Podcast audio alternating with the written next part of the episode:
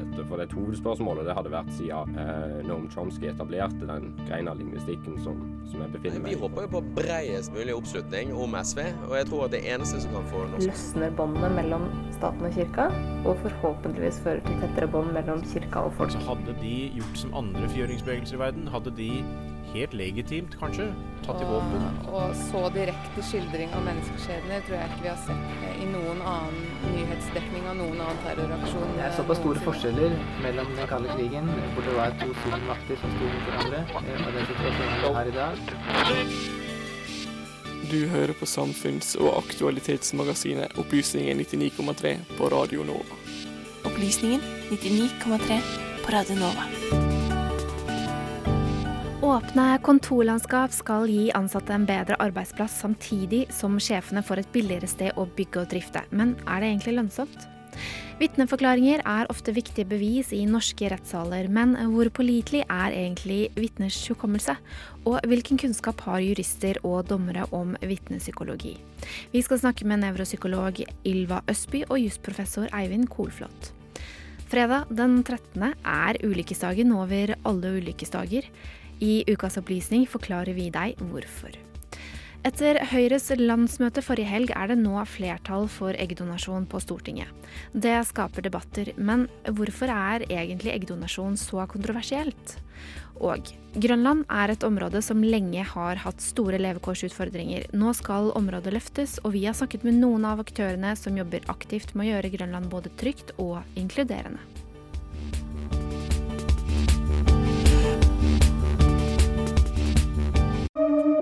Du hører på Opplysningen 99,3 på Radio Nova. God formiddag og velkommen til Opplysningen 99,3 fredag 13. april. Vi er Radio Novas samfunns- og aktualitetsmagasin, og mitt navn er Nicole Myhrer, og det er jeg og Are Mersland Ørnevik som skal følge den neste timen. Are, har du god hukommelse? Eh, ikke så veldig.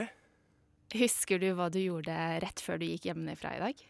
Uh, nei, det gjorde jeg Eller uh, nei, ikke noe spesielt. I hvert fall som jeg kan komme på.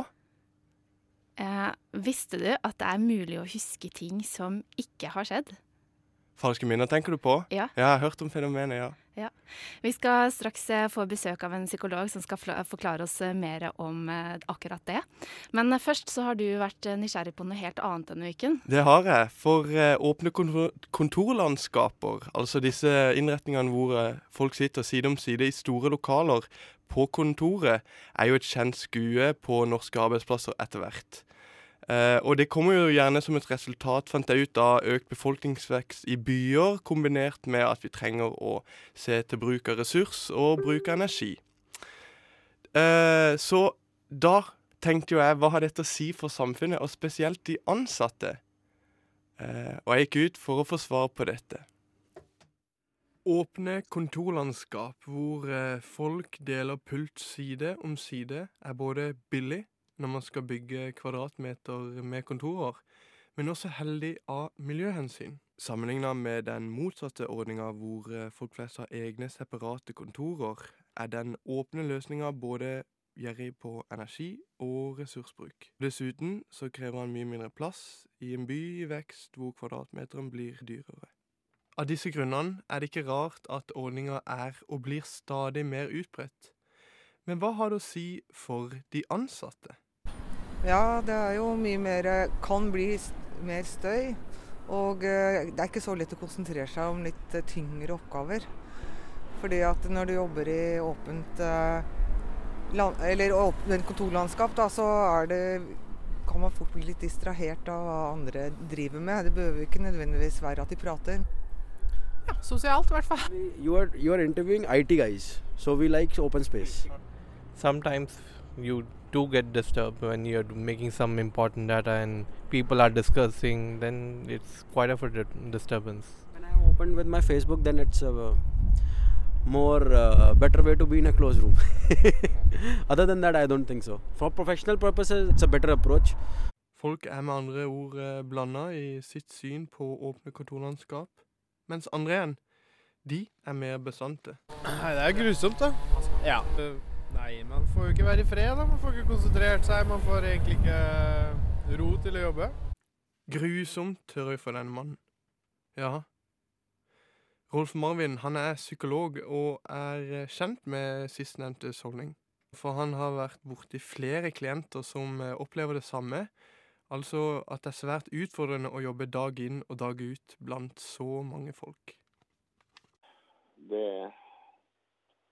er ikke så rent få klienter jeg har fått som rett og slett har fått uh, sammenbrudd av uh, å jobbe i kontorlandskap, eller som er i ferd med å få det, og som da rett og slett trenger, uh, trenger behandling for å takle det. På bakgrunn av dette så kan man jo spørre seg hvorfor denne måten å sette sammen kontorer på blir til in the first place.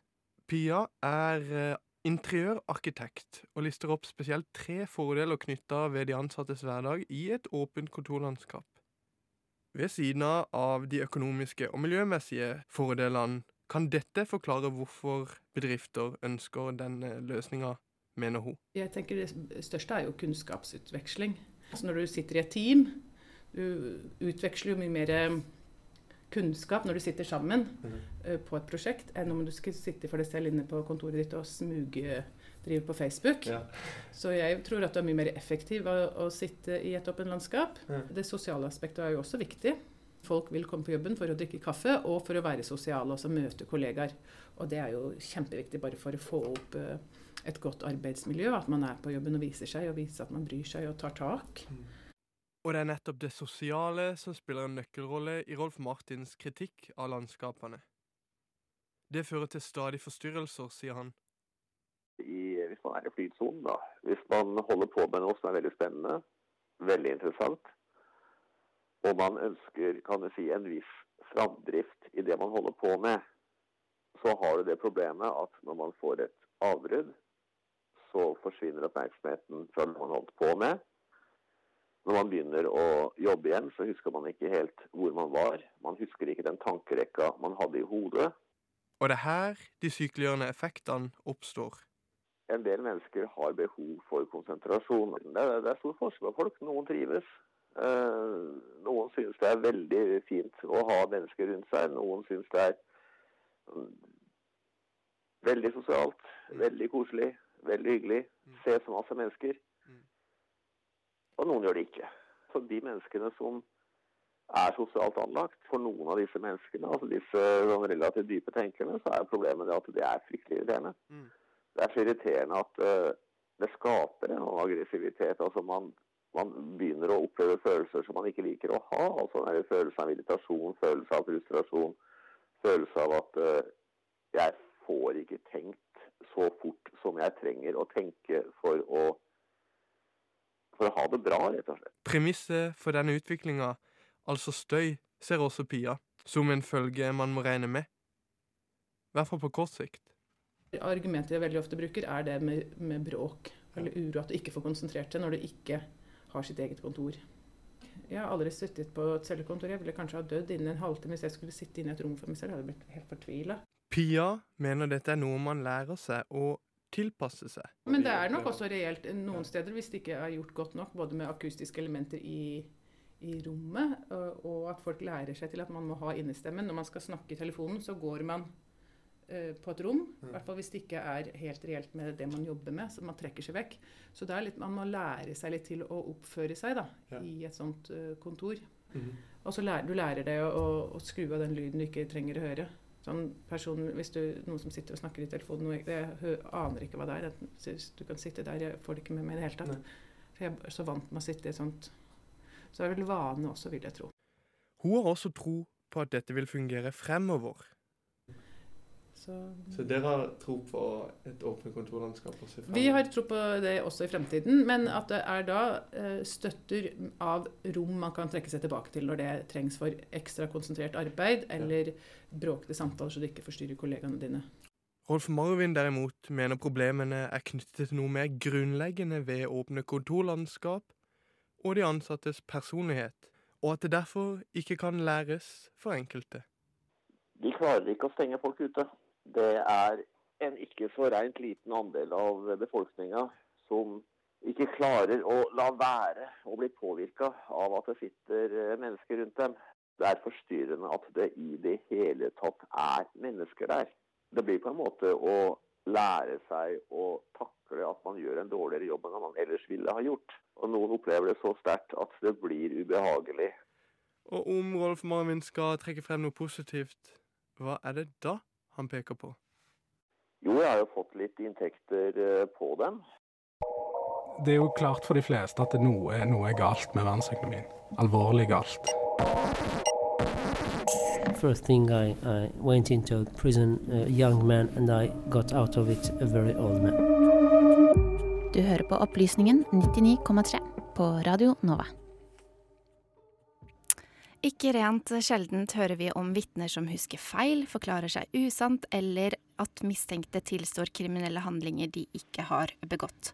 Noen lyver kanskje med overlegg, men det er også fullt mulig å huske på ting som aldri har skjedd. Vitneforklaringer er eh, likevel viktige bevis i norske rettssaler, og det er opp til dommeren å avgjøre hvor stor eller liten bevisverdi et vitnemål har. Ylva Østby, du er klinisk nevropsykolog og postdoktor ved Psykologisk institutt. Velkommen i studio. Tusen takk. Vitnepsykologi har eh, blitt et eget fagfelt. Kan ikke du fortelle litt om eh, hva vitnepsykologi handler om? Det handler om eh, hvordan eh, psykologiske prosesser påvirker eh, hva vitner forteller om i retten. Eh, hvordan både prosesser som oppmerksomhet og hukommelse kan endre et minne av noe man skal fortelle om i en rettssal, og hvordan man skal ta stilling til det. Ja, For det er jo ikke nødvendigvis at de eh, lyver, men hva er det som Mhm. skjer i de tilfellene der vitner sier de ikke husker, husker feil, eller, eller man hører jo også om at vitner har motstridende forklar forklaringer og er mm. overbevist om at de begge snakker sant. Ja.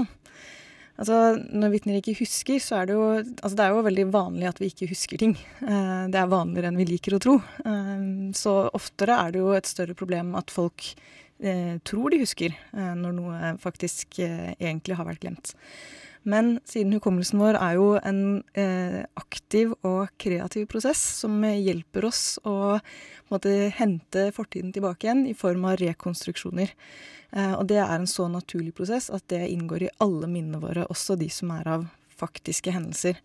Eh, så når vi føler veldig sterkt at vi husker noe, at vi ser det levende for oss, vi kan se eh, på en måte fluktbilen fra det ranet tydelig for vårt indre blikk, med fargen og alt, så kan det faktisk hende at det er vår egen lille kreative eh, teaterregissør som har vært inne i bildet og endret på ting. Eh, men kan man da i det hele tatt stole på at eh, ens egne minner er sanne? Det er jo et veldig godt spørsmål. altså, I det store og det hele så har vi jo eh, en del på en måte, eh, holdepunkter som vi kan støtte oss til. Eh, vi har ganske mye eh, kunnskap og selvbiografisk informasjon som vi må støtte oss til, og som vi kan eh, også støtte oss til andre mennesker rundt oss, om hva de sier at det er sant. Så det aller meste av det vi har opplevd, har vi jo faktisk opplevd. Det er jo ikke så ille fatt. Hvor lenge etter en hendelse svekkes hukommelsen? Vet man noe om det? Åh, det kan skje veldig, veldig fort. Um, vi vet jo fra de klassiske studiene til Ebbinghaus på 1800-tallet, uh, han som uh, testet sin egen glemsel ved å fòre hukommelsen sin med meningsløse stavelser, og så sjekke hvor mye han husket etterpå, så ser man at det er en veldig bratt glemselskurve helt i begynnelsen. Um, jeg har merket det selv veldig godt uh, for et par år siden, da jeg var vitne til uh, noe som så ut som en kidnapping, rett og slett. Jeg hørte en kvinne som ropte og skrek fra en bil, og at bilen kjørte raskt bort. Og så ringte jeg politiet, og, og det var jo bare Altså, jeg fikk snakke med Jeg ble sendt videre til operasjonssentralen. Uh, og da hadde det jo bare gått noen få minutter. Uh, men da husket jeg ikke lenger hvilken av disse bilene det var som hadde kjørt. Om det var den grønne eller den grå, f.eks. Så ja. Så fikk jeg snakke med operasjonssentralen, og det var, viste seg å ikke være en kidnapping, men politiets utlendingsenhet. Så, men det var jo veldig dramatisk likevel. Mm. Finnes det noen triks man kan bruke for å eh, huske ting som man egentlig har glemt? Eh, nei, når ting er glemt, så er det glemt.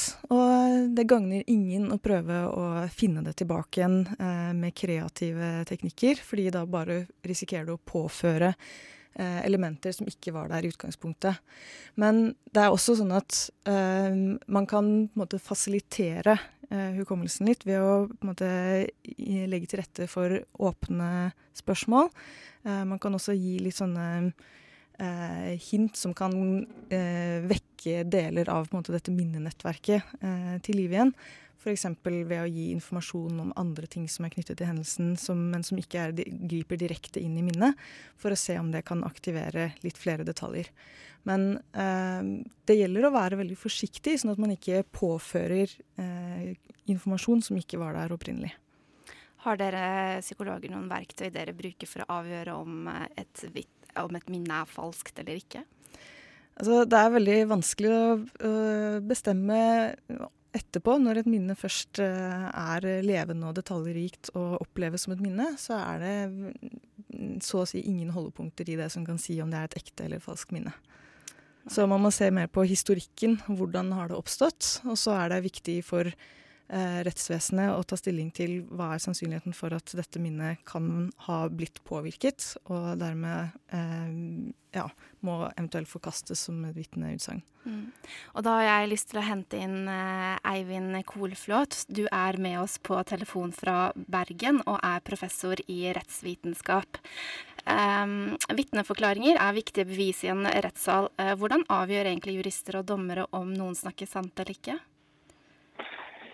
Det har jo vært en uh, økende bevissthet rundt uh, feilkilder knyttet til uh, vitnebeviset. Dette er jo feilkilder som forskningen har påvist særlig nå de siste tiårene. Og det er nok både i politiet og, og blant dommere da en økende bevissthet om dette og, eh, og kunnskap om eh, hvordan man kan eh, ja, stille spørsmål som kan til en viss grad da bidra til å avdekke om disse feilkildene kan ha slått til. Dette er jo da, dette er jo da kunnskap som det vitnepsykologiske miljøet i Norge har har formidlet til, eh, til dommere, eh, er eh, Nå har jo Østby fokusert mye på hukommelse, og dette er jo én side av Den andre siden er jo da om, um, om uh, vitnet bevisst lyver eller ikke. Det er jo to forskjellige scenarioer her. Mm. Um, og uh, Når det gjelder dette med å lyve eller ikke, så vil jo det dreie seg om å få kartlagt litt uh, ja, relasjoner i saken, har vitnet noen interesse av et bestemt utfall osv. Mm. Eh, det er den siden av saken. Når det gjelder hukommelse, så går det jo da på å stille spørsmål om eh, eh som ja, F.eks. om eh, eh, det kan ha skjedd en forveksling. altså En typisk feilkilde her er jo at man har sett en person i en annen sammenheng. ikke sant? Og så tror man at det er i den situasjonen som saken gjelder, at denne Eh, at man har det, det minnet fra. Eh, sånne ting eh, er det atskillig mer bevissthet og kunnskap om i dag enn for la oss si 20 år siden.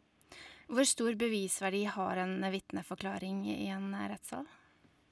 Ja, det vil jo nettopp være avhengig av ja, både dette med om vitnet har en interesse av et bestemt utfall i saken, og betingelsene eller historikken da, som eh, Østby snakket om eh, rundt dette, dette vitneutsagnet.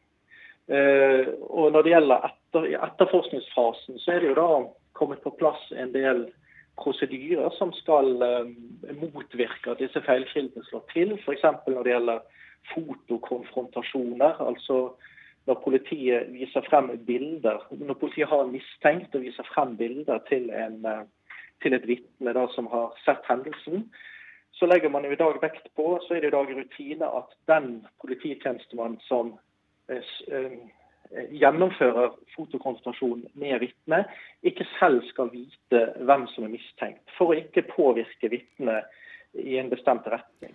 Mm. Eh, også at, også at vitnet får beskjed om at det ikke er sikkert at gjerningspersonen faktisk finnes her. Dette er et eksempel på rutiner da, som er som har kommet til de senere årene på bakgrunn av, eh, av, den forskningen som har skjedd på i vitnepsykologien. Mm, vi løper straks eh, ut for tid, men jeg vil bare spørre til slutt. Det finnes jo noen eh, skrekkeksempler der usanne vitnemål har ført til justismord eller uriktige domsavgjørelser. Thomas Quick-saken er jo et eksempel, og nå nylig hadde vi den svenske saken Kevin, der to gutter på fem og syv år fikk skylden for å ha drept eh, sin lekekamerat. Um, og da er det jo usanne vitneprov som har fått ganske fatale konsekvenser. Uh, lærer jurister om f.eks. vitnepsykologi? Ja, dette er nå inne på, eh, på det, obligatoriske, de obligatoriske introduksjonsprogrammene for både dommere og dommerformektige. Så dette er noe alle dommere får høre om eh, når de begynner som dommere eh, i dag. Og jeg har selv hørt flere av disse foredragene om hvor man forteller om hvilke feilkilder og usikkerhetsmomenter som kan være knyttet til et, til et vitneutsagn. Det var dessverre det vi rakk, men Ylva Østby, klinisk nevropsykolog og postdoktor ved Det psykologiske institutt, og Eivind Kolflot, professor i rettsvitenskap ved Universitetet i Bergen, takk for at dere var med oss i dag. Statsborger må du betale nesten 200 000 kroner mer for en treårig bachelorgrad enn det studenter får. Det er et land som på en måte er eh, stadig i konflikt, og som har vært igjennom eh, mye konflikt. Markedsføringen av Norge som en fredsnasjon har en innvirkning på den enkelte nordmanns selvfølelse og identitet de sliter, og de har ikke råd til å betale eh, markedspriser for, for gassen. Radio Novas samfunnsprogram Opplysningen 99,3 hver fredag mellom 10 og 11.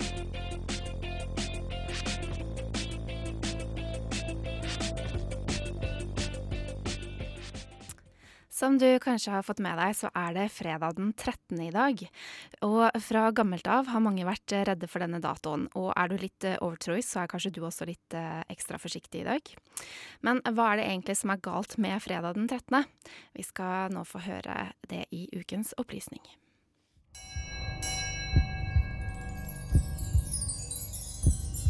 Ukas opplysning.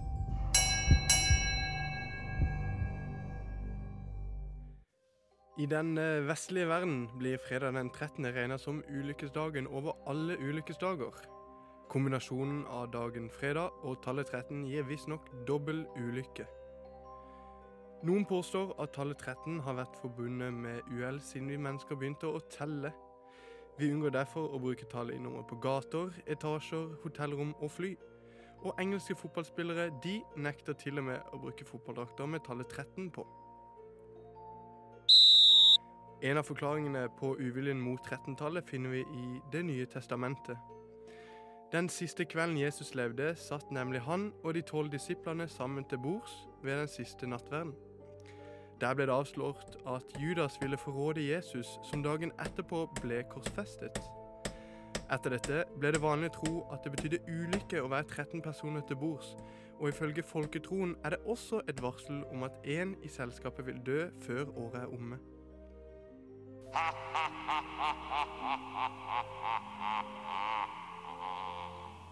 I den eh, gamle sivilisasjonen eh, Babylonia eksisterte også tallet 13 som ulykkestall. Hos eh, babylonerne stammer begrepet ulykke og 13 seg fra tidsregninga og kalenderen. De delte året inn i tolv måneder, men dette gikk jo ikke alltid opp, og dermed ble det én måned ekstra.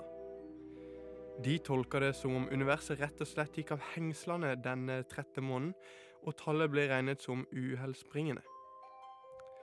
Frykten knytta til dagen fredag verserer det også ulike teorier om. I den kristne tro ble Jesus korfesta på en fredag, og det var også på en fredag at Eva fikk Adam til å spise det forbudte eplet fra kunnskapens tre. Hvilket i sin tur jo førte til at de første kristne menneskene ble kastet ut av paradis og etterfølgerne deres, de var på kant med Gud. Men det knytter seg også en viktig historisk hendelse til fredag den 13. Fredag den 13. oktober 1307 eh, arresterte den franske kong Philip alle tempelridderne over hele landet.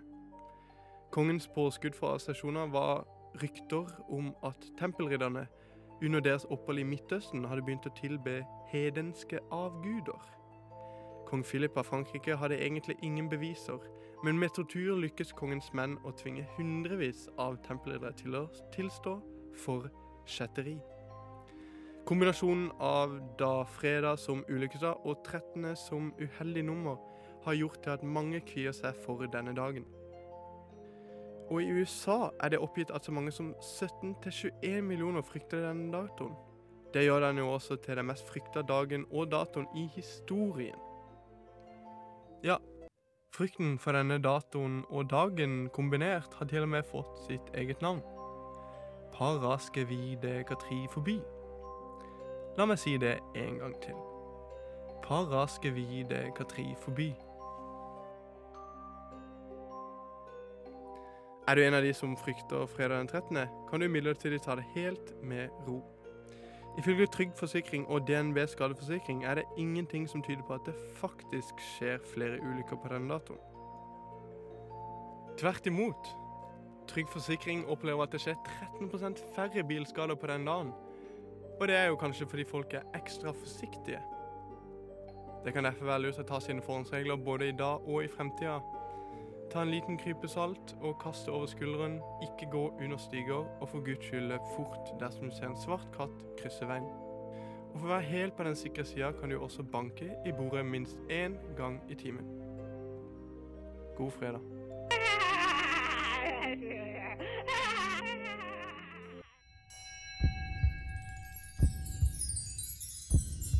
Ukas opplysning.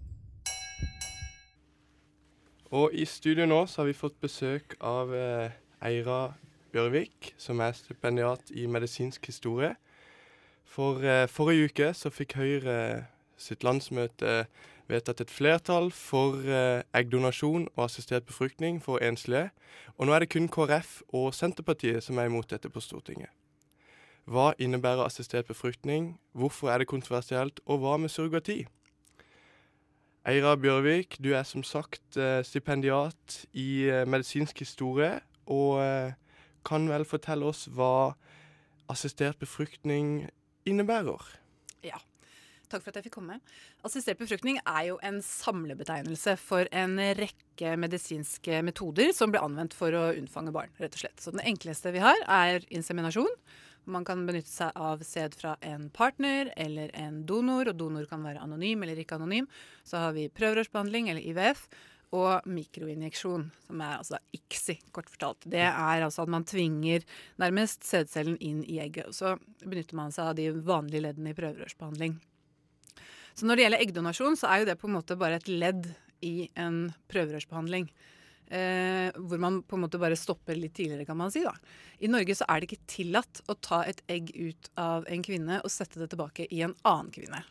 Så Det betyr at eggdonasjon ikke er tillatt i Norge. Og kontroversene har jo rullet og gått i samfunnsdebatten omkring dette i flere år. Norge er, står i en særstilling fordi vi ikke har tillatt dette foreløpig. Nettopp. Og nå har jo Høyres eh, landsmøte gjort at det er flertall på dette på Stortinget, som sagt. Mm. Eh, hvorfor eh, tror du at eh, dette blir tolka eller forstått som politikk i en liberal retning?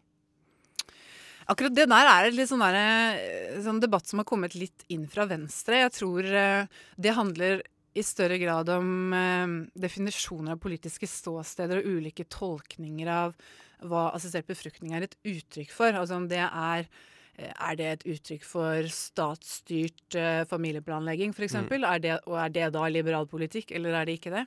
Jeg tror for de aller, aller fleste eh, vanlige mennesker og pasienter, så eh, tror jeg ikke, tror jeg ikke altså disse politiske ståstedene og drakom på hvorvidt dette er liberal politikk eller konservativ politikk, eller det tror jeg kommer litt på siden av hvordan man forholder seg til assistert befruktning. Jeg tror de færreste eh, vanlige nordmenn, både pasienter og folk som forholder seg til assistert befruktning uten å være pasient, tenker på det som, som noe statlig innblanding. Jeg tror du vil finne at de aller fleste tenker på det som et medisinsk behandlingstilbud.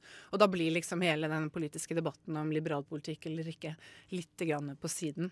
Men det er bare noe vi har sett eh, siste uken, egentlig. En ting som er sykt, er i hvert fall at det har vært mye debatt frem til nå. og Det var det jo også på Høyres landsmøte. Mm. Hvorfor tror du, som du også sier, Norge er i en særstilling til f.eks. For forskjell med Danmark, som har hatt eh, slik praksis i en årrekke? Mm.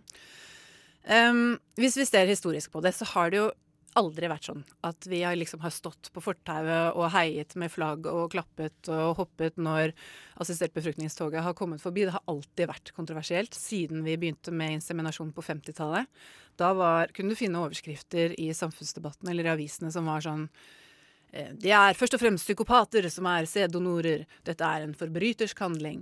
Det samme så vi på 80-tallet med IVF. Legene leker Gud, sa man da. Hva, skal, hva kommer til å skje? Det var voldsomme bekymringer for hva som ville skje med disse barna. Var de kunstige? Ville de kunne reprodusere seg selv? Ville de bli mobbet på skolen? Eh, og det samme skjer jo i grunnen nå, hver, hver gang vi på en måte utvider repertoaret litt, eller ehm, tilgjengeliggjør og, og legaliserer ting som vi tidligere ikke har tillatt, så dras ofte disse perspektivene fra Brave New World og den type ting, de dras opp.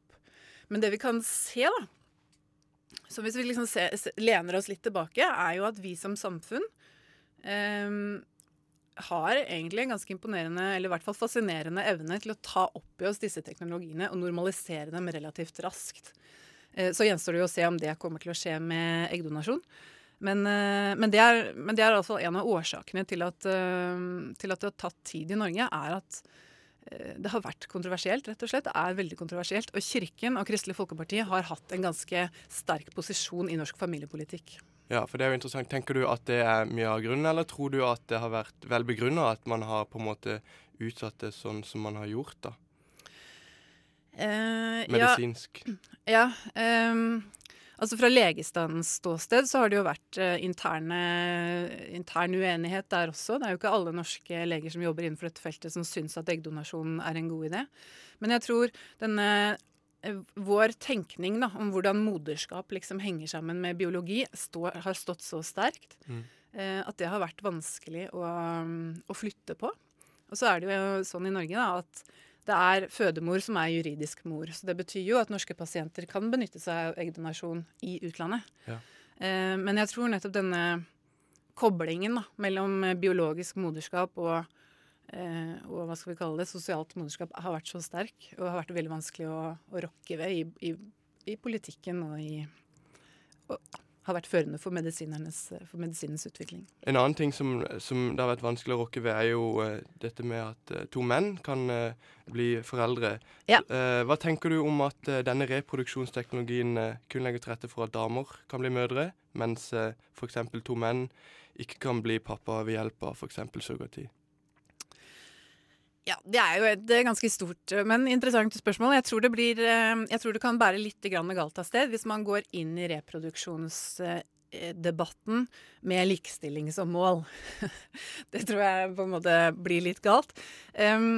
Det skal sies at sånn historisk sett så har mye av motivasjonen i infertilitetsbehandlingen ligget i at man har hatt en idé om at kvinner har et biologisk behov for å få barn. Ok. Eh, Og dermed så må vi må samfunnet på en måte tilrettelegge for at vi kan fyllestgjøre dette, dette biologiske behovet. Det samme har vi ikke sett om menn. Man har snakket om at menn kanskje gjerne også har eh, en slags dyp følelse eller eh, dypt behov for å bli foreldre, men ikke på samme måte. Så skal det sies at akkurat når det gjelder surrogati, som jo er forutsetningen for at menn skal kunne få barn uten, uten en mor, kan vi si, så det handler jo i stor grad om hva vi som samfunn kan akseptere av kommersialisering av kvinnekroppen. Eh, og dit, dit tror jeg det er langt igjen eh, i Norge. Ok. Um, hva tenker du eh, om, for å avslutte, um, assistert befruktning uh, i vårt land fremover nå?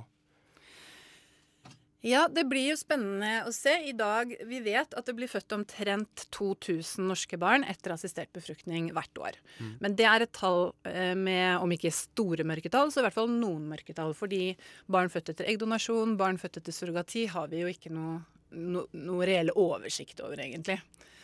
Um, det forslaget som nå ligger på bordet om eggdonasjon eh, vi får jo se hvilke, om det får noen endringer, om det fører til endringer i, i praksis. Det er jo veldig lite, en veldig liten pasientgruppe dette dreier seg om. Og dette forslaget som Bioteknologirådet har lagt på bordet, er jo et slags ikke-forslag. Fordi det legger til grunn at uh, disse eggene som da skal tas i bruk, er overskuddsegg. fra andre kvinner i infertilitetsbehandling. Og det er ikke gitt at denne målgruppen, altså eh, eggdonasjonspasienter, er interessert i å overta eller ha. Og det er slett ikke sikkert at disse andre pasientene er villige til å gi dem fra seg. Så i første omgang så tror jeg ikke vi kommer til å se de store endringene. Men på sikt, hvis man gjør det mm, gjør det Altså lett, lemper på reglene og gjør det mulig for andre enn infertilitetspasienter å være eggdonorer, så kan det hende at det eh, blir en endring. Um, når det er sagt, så syns jeg det er litt viktig å ha med seg at fertilitetsmarkedet anno 2018 er et marked. Det er grenseløst, og det er gjennomkommersialisert. Så det som den, første, den største hindringen for hva norske pasienter, norske kvinner og menn kan gjøre, er jo privatøkonomi rett og slett.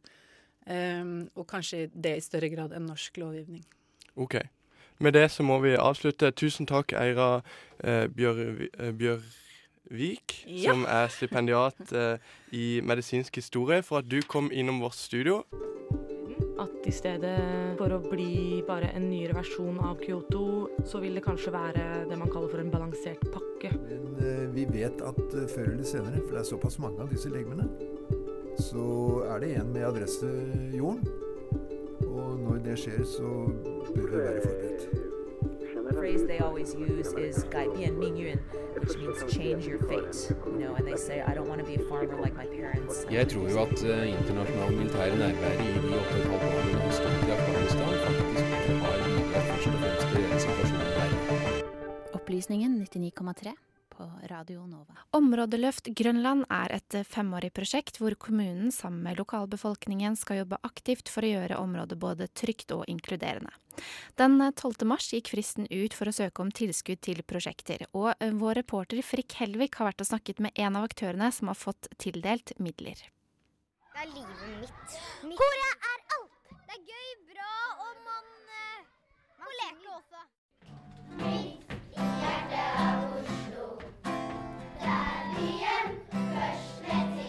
Barnekoret er en del av Kultur i Gamle Oslo AS, også kalt KIGO.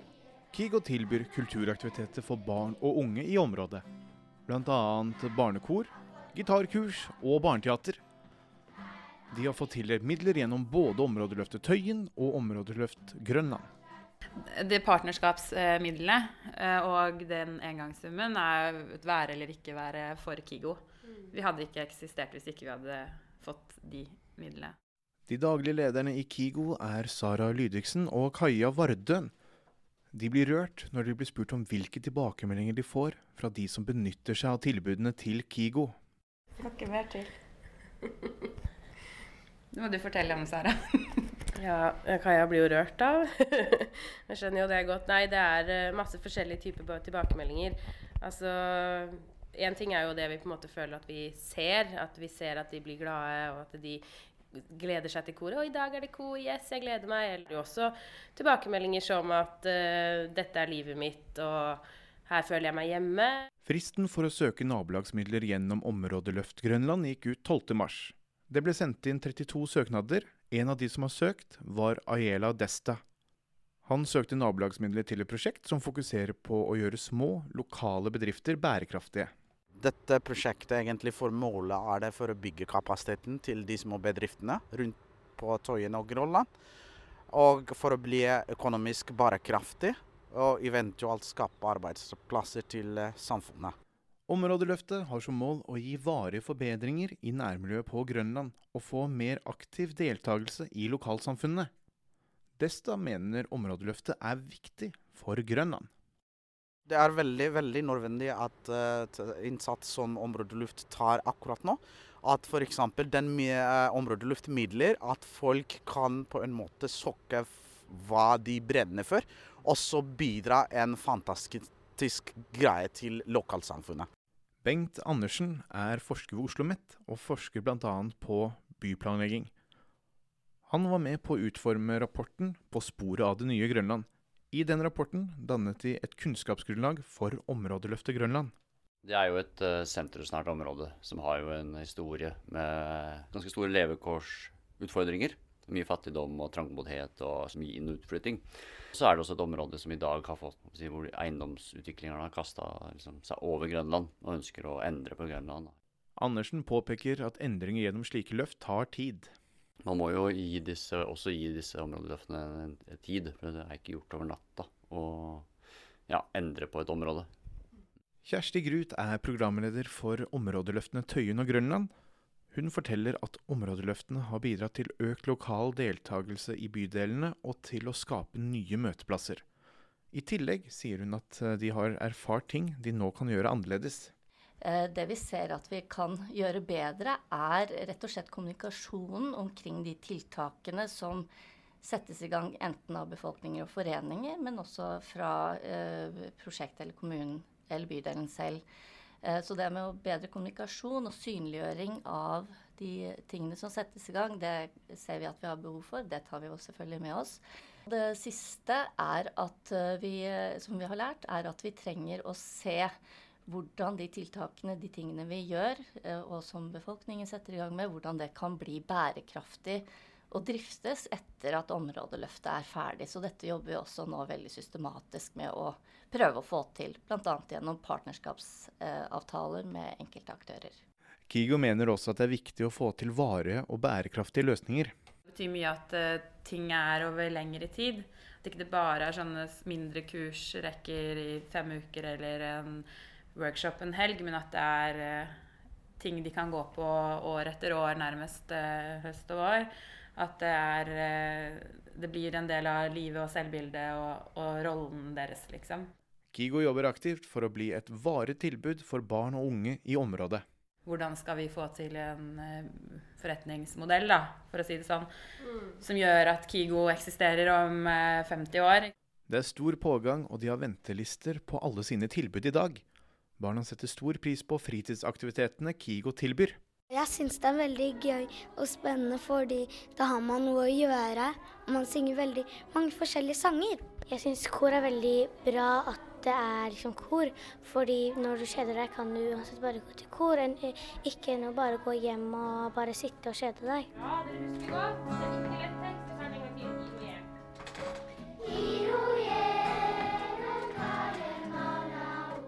Du hører på Opplysningen 99,3 på Radio Nova.